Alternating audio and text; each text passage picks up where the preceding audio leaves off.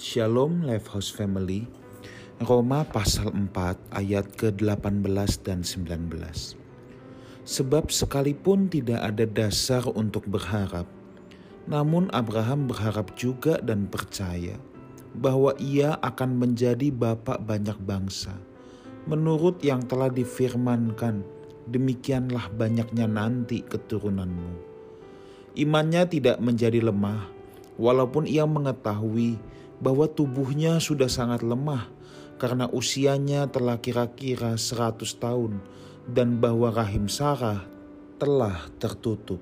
Saudaraku, salah satu hal yang harus dapat kita kuasai dalam hidup ini adalah bagaimana kita melihat rencana Tuhan dalam gambar besar kehidupan ini. Dari pembacaan firman Tuhan pada pagi hari ini, kita melihat bahwa Bapa orang beriman yaitu Abraham berhasil melihat gambar besar Tuhan, gambar besar rencana Tuhan dalam hidupnya.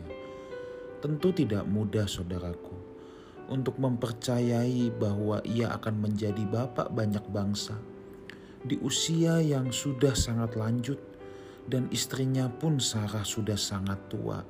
Tetapi justru di sinilah Tuhan kadangkala harus membawa kita keluar dari zona kenyamanan kita. Hal ini Tuhan lakukan justru untuk melatih iman kita, melatih percaya kita, bahkan supaya kita bisa melihat rencana Tuhan yang sangat luar biasa. Abraham dibawa Tuhan keluar dari Ur Kasdim, di mana zona nyamannya untuk bisa melihat sebuah rencana Tuhan yang lebih besar. Ketika Abraham mempercayai apa yang Tuhan katakan, apakah perubahan langsung terjadi? Tidak, saudaraku. Abraham tidak langsung punya anak ketika Abraham mengikuti keluar dari Ur Kasdim. Tetapi Abraham tidak menjadi bimbang. Abraham tidak pernah mencurigai Tuhan Malahan ia dikuatkan dalam imannya dan dia memuliakan Tuhan. Itulah yang ditulis di ayat yang ke-20.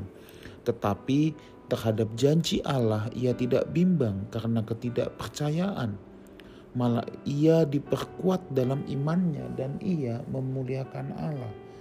Nah saudaraku, kita perlu belajar untuk melihat masalah dalam hidup ini dari sudut pandang Tuhan Ketika kita bisa melihat dari sudut pandang Tuhan, di sanalah kita berhasil melihat gambar besar rencana Tuhan dalam hidup kita. Mengapa justru banyak orang tidak tahan dalam menghadapi ujian atau proses pembentukan dalam hidup ini? Karena fokus mereka masih kepada diri sendiri. Mereka tidak melihat segala sesuatu yang terjadi dari sudut gambar besar rencana Tuhan. Ketika seseorang berfokus kepada dirinya sendiri, melihat segala sesuatu dari sudut pandangnya, maka tidak sedikit mereka yang menjadi marah dan kecewa dengan Tuhan dan akhirnya memilih mundur. Di sini kita melihat Abraham, saudaraku. Abraham tidak menjadi kecewa sama Tuhan, Abraham tidak menjadi marah sama Tuhan, justru dia terus melakukan perjalanannya. Ia terus menantikan apa yang Tuhan firmankan kepadanya. Abraham tidak fokus pada fakta kenyataan yang terjadi di depan matanya, bahwa usianya sudah sangat lanjut, bahwa istrinya juga sudah sangat lanjut, bahkan Alkitab berkata rahimnya sudah tertutup. Tetapi Abraham melihat dari bagaimana Tuhan melihat, yaitu apa yang Tuhan firmankan kepada dirinya. Itulah sebabnya saudaraku, mungkin saat ini saudara sedang mengalami beban pergumulan kehidupan yang begitu berat.